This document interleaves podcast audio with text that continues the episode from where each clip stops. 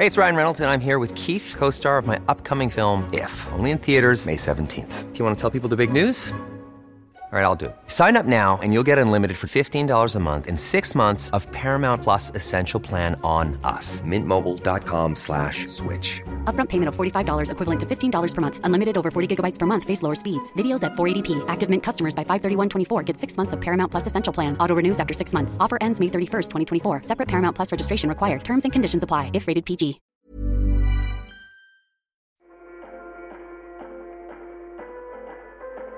Du hører på podkasten Forhandlinger på liv og død. Jeg heter Alexander Nordahl og jobber i Dagens Næringsliv. Det der kunne fort blitt en skyteepisode. Altså. Hun er så redd som jeg får instruksjoner om at eh, det er folk etter henne. Og du ser jo hun er Og på et tidspunkt så vet ikke at hun har kniven i hånda heller. Nei, nei. Denne historien begynner i en stor og mørkegrå sivil politibil.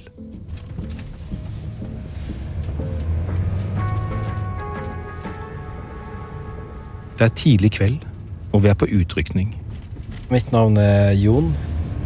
Nå når telefonen ringte i dag, så er jo jeg på beredskap. Det vil jo si at eh, jeg er, jeg er hjemme. Eh, Jeg lever, jeg lever livet mitt. Eh, det vil si at jeg gjør de tingene alle andre gjør når de ikke er på jobb. Men jeg har jo da en oppgave å kunne rykke ut når det er behov. Fikk du det, Magnus? Jon snakker med kollegaen sin Magnus på telefon. Ja, ja da får vi eh, veldig, eh, veldig nærhet mellom bevæpna politi og hun. Det høres ut som en ganske høy trussel hvis hun går mot telefonen sin sånn som det er nå. Å, kom igjen, da! Kom igjen, da! De kjører hver sin bil, men er på vei til det samme stedet på Østlandet. Ok, men eh, da står planen seg sant, på FH. Det er liksom relativt omforent med at det høres eh, formålstjenlig ut. Da er jeg, eh, jeg er ett minutt, ett minutt unna bare. Skal vi se. Hvor langt unna er du, da? Krise- og gisselforhandlerne Jon og Magnus har fått en melding om en psykotisk kvinne som truer folk rundt seg med en stor kjøkkenkniv. Når vi er på vei, har beredskapstroppen vært på stedet i en halvtime allerede. Jævla GPS, vet. Den eh, er ikke spesielt glad i utrykningskjøring. Politiets krise- og gisselforhandlertjeneste er en spesialtrent nasjonal gruppe. De er politiets fremste eksperter på å forhandle i veldig krevende situasjoner i inn- og utland. Hvis det skjer et terrorangrep, en gisseltagning, et selvmordsforsøk eller andre farlige hendelser, prøver Jon, Magnus og deres kollegaer å løse situasjonen med prat. Ja, jeg parkerer nå. Vi parkerer i veien 50 meter fra der kvinnen er i leiligheten sin. Kvinnen bor på en institusjon, og det er de ansatte som har ringt politiet og meldt fra om at hun oppfører seg truende med kniven. Det har hun gjort før, men aldri like voldsomt som nå. Kvinnen bor alene i en liten hjørneleilighet. Nå ligger hun i sengen med en stor kniv ved siden av seg. På terrassen i første etasje står politifolkene fra beredskapstroppen med sine skjold, våpen og hjelmer med gjennomsiktig visir. Hvis beredskapstroppen opplever at hun blir for truende, om hun for eksempel kommer løpende mot dem med kniven, er instruksen deres å ufarliggjøre henne og kanskje til og med skyte for å stoppe henne. Magnus og Jons jobb er å sørge for at kvinnen gir fra seg kniven frivillig, sånn at ingen blir skadet. Men hvordan skal de klare å overbevise henne? Det Jon ikke vet, er at kvinnen har andre stemmer i hodet sitt. Innsatslederen, altså den som er ansvarlig på stedet, møter Jon idet han går ut av bilen. Ja, Det er stua. Rett fram er kjøkkenet. Ja. Og så litt skrått til venstre. Der er soverommet. Han gir Jon informasjon om kvinnen, og hvordan planløsningen i leiligheten hennes er, sånn at Jon skal være forberedt når han møter henne. Hva er det som har skjedd i dag? Eh, akkurat opptakten det veit jeg ikke helt. Men hun har tidligere tatt kniv og utafor og sånne ting. Eh, og dere har gjort i dag. Og tidligere har tatt fra kniven. Det har vi ikke klart i dag. Nei, for Det som er grunnen til at du har kniv i dag, har vært veldig greit å få vite. Altså, Hva har vært en friksjon, hva har skjedd? Det skal jeg finne ut av. Jeg er ubevæpna, Du er ubevæpna? Tror du veit det. Makkeren min som kommer òg, vil være ubevæpna. Politiet vil ikke at kvinnen skal løpe av gårde med kniven. Derfor står det også politibetjenter ved alle vinduer og dører. I tillegg er det en hundefører og en politihund på stedet. Gjennom de store vinduene på verandaen kan Jon se en lys stue med bilder på veggene. Men han ser ikke kvinnen som ligger i sengen med den store kniven hvilende ved siden av seg. Men det gjør Magnus, som står på den andre siden av huset. Magnus titter inn vinduet og rapporterer hva han ser til Jon.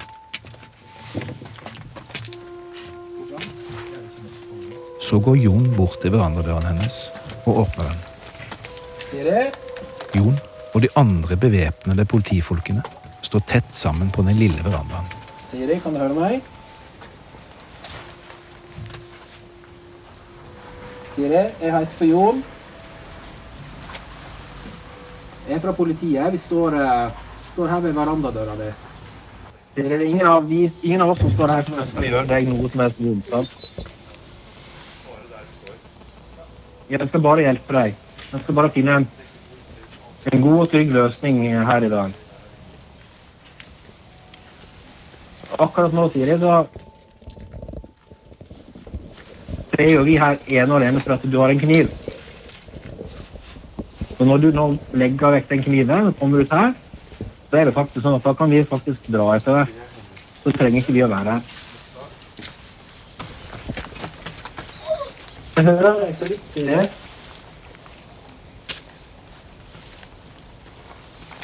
Hører deg så vidt. Men da men du hører stemmen min, eller? Kan jeg se for meg at eh, sånn som det er nå, så sitter du i senga eller ligger i senga og er ganske urolig på hva som kommer til å skje. Men det er ingen her som vil skade deg, ingen som vil gjøre deg noe vondt. Det er lov å bli sint. Det blir vi alle sammen innimellom. Det er ikke lenge siden jeg ble sint sjøl. Når ting er urettferdig og når folk er dumme med oss, og sånn, da blir man, blir man sint og irritert.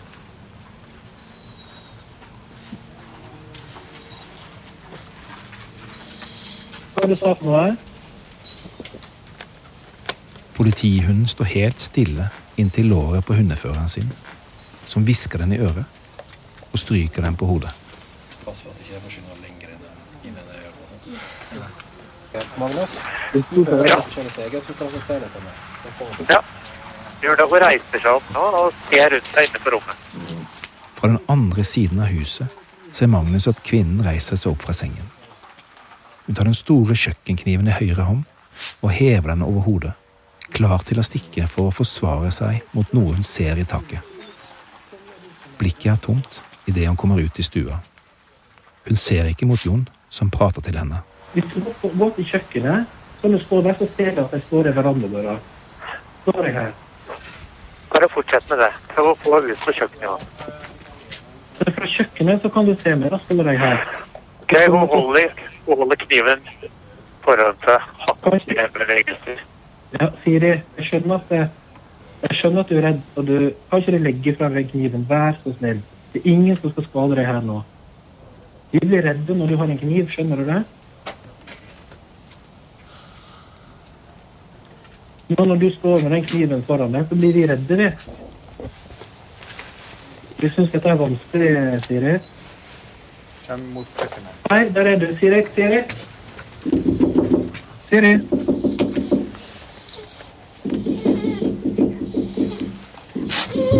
Henne. Står med kniven i høyre hånd. Står uh, midt på kjøkkenet og Vender seg litt.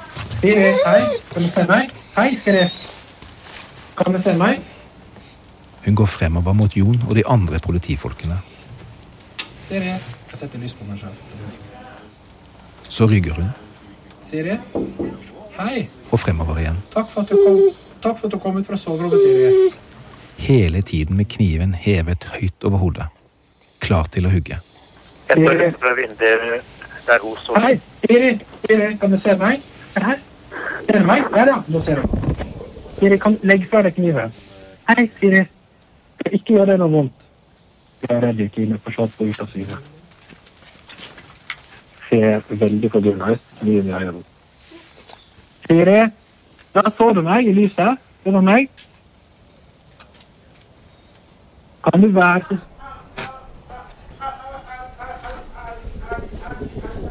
Ja, det, her, her står det. ja, Hvem er de, Siri? Siri Se, Hei, ser du meg? Ja, det er meg. Det er jeg som prater. Ser du meg? Akkurat nå Hei! forstår Jon at det ikke bare er hans stemme kvinnen hører. Kom imot meg, fortsatt kniven i høyre. Jon skifter taktikk og forandrer stemmen sin. Han konkurrerer med de andre stemmene i kvinnens hode. Siri. Hei! Ser du hendene mine? Hei! Jon heter jeg. Siri. Siri, vær så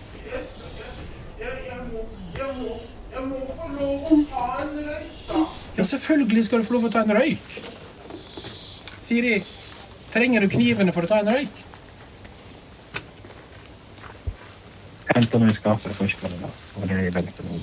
Og så kniver jeg og går bort. Sånn, kan du, kan Politifolkene står helt stille i døren. Kvinnen kommer nærmere, og en annen politimann bryter inn. Du vil legge fra deg kniven, vær så snill. Ja, du har en kniv i høyre hånd. Jeg blir litt bekymra av den, skjønner du. Det er veldig bra jobb. Bare fortsett. Siri, hvis du ser på høyre hånda di, den andre hånda, så ser du holde en kniv, ser du det? Oi, kan du slippe den? Hvis du bare slipper den, bare, ja den ja, kan du slippe ned. Hvis du bare slipper kniven ned. Ja, men vi skal ikke gjøre deg noe, vi er jo her for å passe på deg. Vi er politiet. Politiet skal passe på deg. Ja. Det er jo jobben vår. Men ikke hør på de stemmene. Du skal bare høre på min stemme, du nå. Siri, så legg den kniven. Så bare legg den ned. Legg den ned. Sånn, ja. Så legger han ned på bakken nå. Bra. Helt ned. Kom igjen, hør på stemmen min. Så legger han ned. Fint. Kniv. Sånn, ja. Og så kan du sette deg i stolen her nå. Kom her nå. Kniven faller i gulvet og lander rett ved kvinnens føtter. Så setter du deg i stolen her, så tar du en røyk. Hun går mot verandadøren for å ta seg en røyk, Kom igjen nå. Siri. og Jon gir små tegn til politifolkene som står klare. Men du skal bare høre på stemmen min. Jon sin stemme. Det er den eneste stemmen du skal høre på nå. Sånn, ja, Bra Siri. Bra. Så kommer du rolig hit nå. Har ikke kniven. Bra. Vil du sette deg i stolen, eller? Er det, hvilken stol er best å røyke, ja? Her ute? Du må kanskje ut og røyke? Siri? Skal vi ta det ut i frisk luft? Siri må høre på stemmen min, Siri. Men kvinnen snur igjen og går innover i rommet på nytt. Kom hit, Siri. Kom, kom til meg nå. Kom her, da. Bra, Siri. Så da kommer du hit. Følger du stemmen min nå, Siri? Sånn, ja. Bra. Siri, Kar, Siri, hør på stemmen min. Bare hører du på stemmen min, og den eneste stemmen du hører. Så flink du er. Bra. Så kommer du hit, så tar vi en røyk. Så kommer hun tilbake. Rolig, rolig, rolig. Så tar vi en røyk, Siri. Kom igjen. Kom igjen. Så bra. Hei. Ja, men da hører du på stemmen min, Siri. Sånn, ja. Kom hit, da. Sonja. Kom, da. Sånn. Hei, Siri. Så kommer vi. Jon står fortsatt bare noen meter fra kvinnen. Kniven ligger fremdeles rett ved føttene hennes. Hun trenger bare å bøye seg ned for å ta den opp igjen. Derfor prøver Jon å få henne helt frem, til seg og de andre politifolkene. Siri, Siri, Siri. Siri, ikke hør på de stemmene. Bare hør på min stemme. Hør på min stemme, OK? Siri. Siri? Siri? Hei! Hei, Siri! Hei, Siri. Se på meg. Se på meg nå. Der, ja. Hei, Siri. Se på meg. Se på meg. Hei! Vi skal ikke gjøre deg noe. Sånn. Helt i venstre hånda di. Da har du røyk. Da har du røyk. Nå skal vi ta en røyk, Siri. Sånn, ja. Så kommer du ut hit og tar en røyk. Sånn, ja. Bra. Åpner du røyken nå, så går vi hit. Har vi lighter her ute, så tar vi en røyk. vet du. Når hun er nær nok, går politifolkene rolig mot henne og legger hendene sine forsiktig på skuldrene og armene hennes. Kvinnen lar dem gjøre det.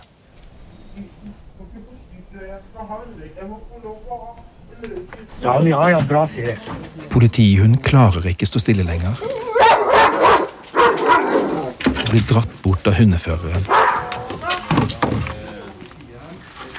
I det øyeblikket politifolkene får kontroll på kvinnen, snur Jon seg. Han tar av seg hjelmen, hopper over verandakanten og går raskt mot bilen mens politifolkene i bakgrunnen tar vare på kvinnen og lar henne ta seg en røyk. Like etter kommer innsatslederen bort til Jon. Se henne, da. Stakkar. Helt ute. Jeg kunne ha spurt om litt, for du sa jo det nå, akkurat når du sto og snakka med at stemmen sier jo at dette er FBI-agenter, de som jobber her. Ja. At de ikke får lov til å sove. Og, så det er ganske Det hadde vært greit å vite. At du, hadde, at du hørte stemma. At det er schizofreni her. For det Men, eh, Jeg tok det på samband, men da var du sikkert av samband. ikke sant? men eh, det var, ble ganske åpenbart. Ja, altså, du, så da hadde du jeg måtte ha håndtert det jeg så Ja, ja. uansett. Så det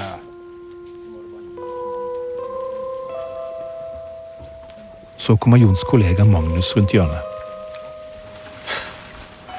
Satan, det der Dette er jo høy risiko, det som skjer her. Altså. Det er fordi man er så sjuk, ikke sant. Da kan alt skje. Og det er det som er Da må vi trå varsomt. Det som er fint, er veldig flinke de som står der. Kollegaene som står her. De, de er disiplinerte, altså. Er flinke. De som definerer vi har god tid, hun er alene. Vi må unngå å skape en liksom, vanskelig situasjon. For hun der er jo, hun er jo redd. Det der kunne fort blitt en skyteepisode. Altså. Hun er så redd som jeg får instruksjoner om at eh, det er folk etter henne. Og du ser jo hun er og på et tidspunkt så vet ikke at hun har kniven i hånda heller. Nei, nei. Så jeg snakker liksom, adresserer kniven som hvilken kniv. Ja, ja. Så jeg ser ned på høyrehånda di. Ser på venstrehånda. Så jeg må se på andre høyrehånda di. Så, så blir jeg overraska at du holder en kniv i hånda. Og den har gått med sånn defensivt ti sekunder før. Ambulansen kommer og tar med seg kvinnen. Politifolkene samles i gaten utenfor kvinnens bolig for å prate gjennom oppdraget. Nei, en liten uh, debrief. Dette gjør de etter hvert vanskelige oppdrag, og får lære til neste gang de kommer i en lignende situasjon. Jo, først og fremst, Jeg tror ikke hun med vilje ville ha angrepet oss. Men det er det som er problemet, at eh, hun styres jo av en stemme her og frykt. Så hun kunne fort endt opp med å angripe oss, hvis dere skjønner. Det er ikke, Som er viten og vilje vil ikke angripe politiet, men her, her tenker jeg det er ganske høy trussel. altså. Eh, Så det er en veldig god vurdering dere gjør. Eh, Ellers så tenker jeg bare sånn råd hvis man skal forhandle med sånn som hun. jeg var ikke klar over at skis, altså, vi hadde en konkurrent der, for det er jo mulig schizofreni her. sant? Hun har jo en stemme som driver og sier hva hun skal gjøre. Det, det som sto framme, så jo fort at jeg mista jo henne hvis det ikke ga konkrete oppgaver. Men en gang jeg fikk konkrete oppgaver, så greide jeg å holde henne. Så det er noe av nøkkelen her. da. Få henne til å bli mest mulig instrumentell i hjernen. da. da hvis du da har tillit, så kan du få til å gjøre det, det du vil. da. Det føltes trygt og godt å stå sammen, med deg framme her. Det er viktig. Yes, nei, det, du får jo Du sliter litt med å komme deg gjennom, eh, ser det ut som, innledningsvis. Du hører ikke helt på deg. Så etter hvert så, så oppfatter jeg at du står der og ønsker å prate med og svarer til slutt på ting og gjør det du tenker, da. Ja, altså, Det går mye raskere enn det jeg trodde det skulle gjøre. altså, bare så det er sagt. Altså, jeg tenker på her, Hun sitter med masse stemmer som sier stygge ting i hodet hennes, og er så redd at hun har en kniv og ligger i senga på et rom. Eh, Og I løpet av jeg vet ikke hvor mange minutter, det tar ikke så veldig lang tid, så får vi jo til å komme ut og hilse på oss. og Så blir hun redd, og så går hun vekk igjen. Så greier vi å få henne inn igjen. Så det er liksom, kan se for dere den dagen dere har vært reddest i deres liv, at det dere er redd at dere skal begynne å stole på det. da. Det er det, det vi jobba gjennom her. Så det, det gikk såpass raskt her, må jeg være, litt ærlig og si jeg er overraska på. altså. Jeg tror dere skal måtte jobbe lenge. Det som jeg syns er jævla bra, er jo at eh, når vi har liksom kniven er nede sant? og er innafor gripeavstand. At vi liksom skjønner at det, det å få helt ut på terrassen her, å, da måtte vi brukt en halvtime til, kanskje. Sånn. Da kan, altså, at vi bruker den gylne muligheten til å liksom gå inn og ta kontroll på alt. Det er veldig bra det skjer.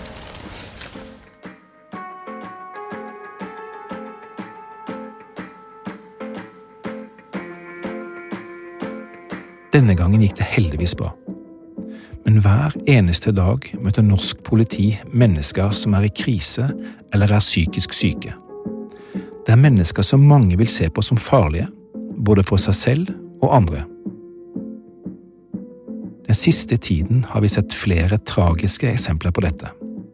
Men hvor farlig er de egentlig? Nei, det er ikke min oppfattelse at mennesker i krise og mennesker som har utfordringer med psykisk sykdom, eh, ofte er veldig farlig. Jeg vil heller benytte et annet ord. Jeg vil heller si at mennesker i krise og mennesker som har psykisk sykdom, veldig ofte er sårbare. I møte med, med disse menneskene så er det jo ikke først og fremst frykten som bør trigges. Det er jo medmenneskeligheten i oss som bør trigges.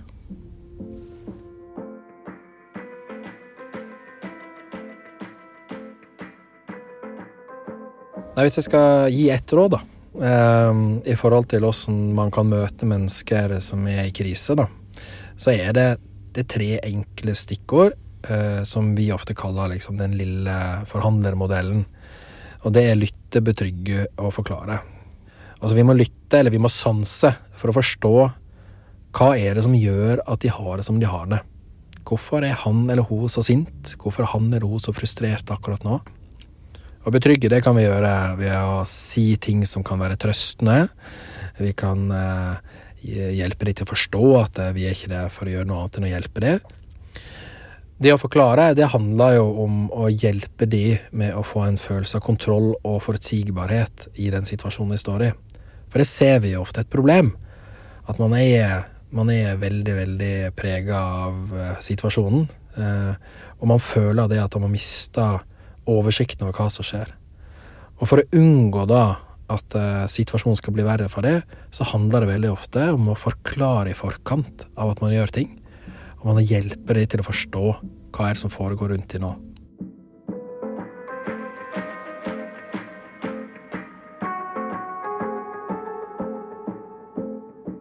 Jon er også fagsjefen i krise- og gisselforhandlertjenesten til politiet.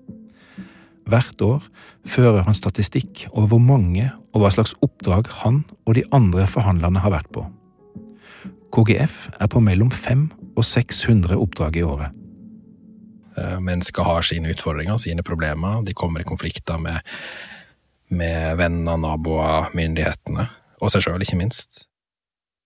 En av de tingene som vi kanskje er mest fornøyd med, er jo at eh, alle de oppdragene der vi faktisk kommer i kontakt og får initiert en forhandling, så greier jo vi å få en løsning da, i 77% av oppdragene. Det vil si at av, for hver tiende samtale så vil mellom sju og åtte ganger så ender det med en avtale, da.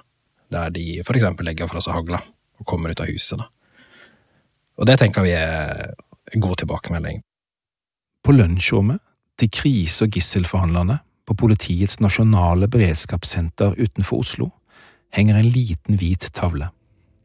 Den blå og grønne skriften har blitt strøket over flere ganger, ettersom et nytt tall har blitt skrevet opp. Tallet forteller dem hvor mange liv de har vært med på å redde så langt i året. På slutten av 2021 var tallet 85 menneskeliv.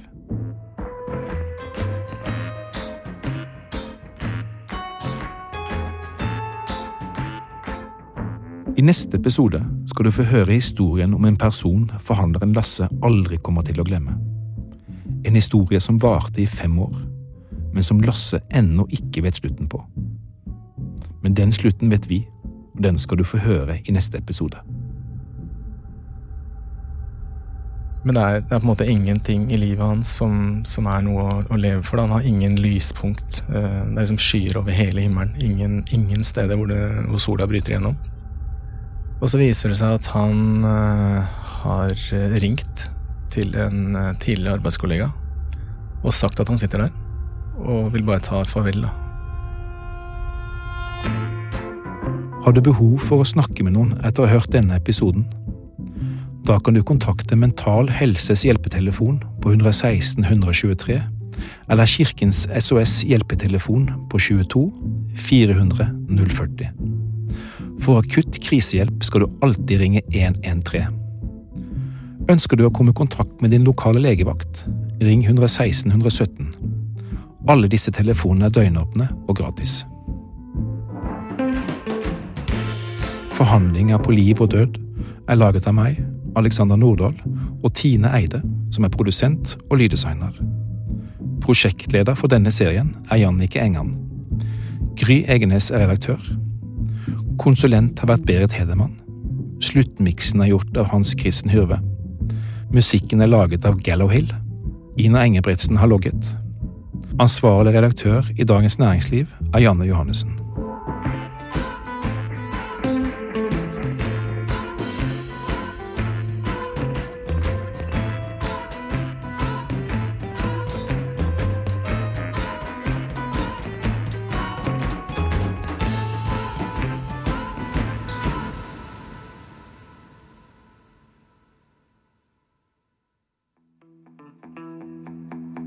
Finansredaksjonen, DNs podkast om det som skjer i aksjemarkedet.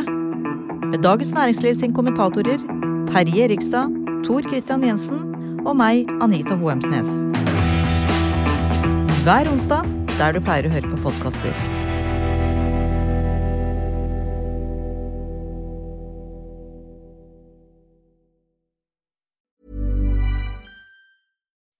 When you make decisions for your company, you look for the no brainers. If you have a lot of mailing to do, stamps.com is the ultimate no brainer. Use the stamps.com mobile app to mail everything you need to keep your business running with up to 89% off USPS and UPS. Make the same no brainer decision as over 1 million other businesses with stamps.com. Use code PROGRAM for a special offer. That's stamps.com code PROGRAM.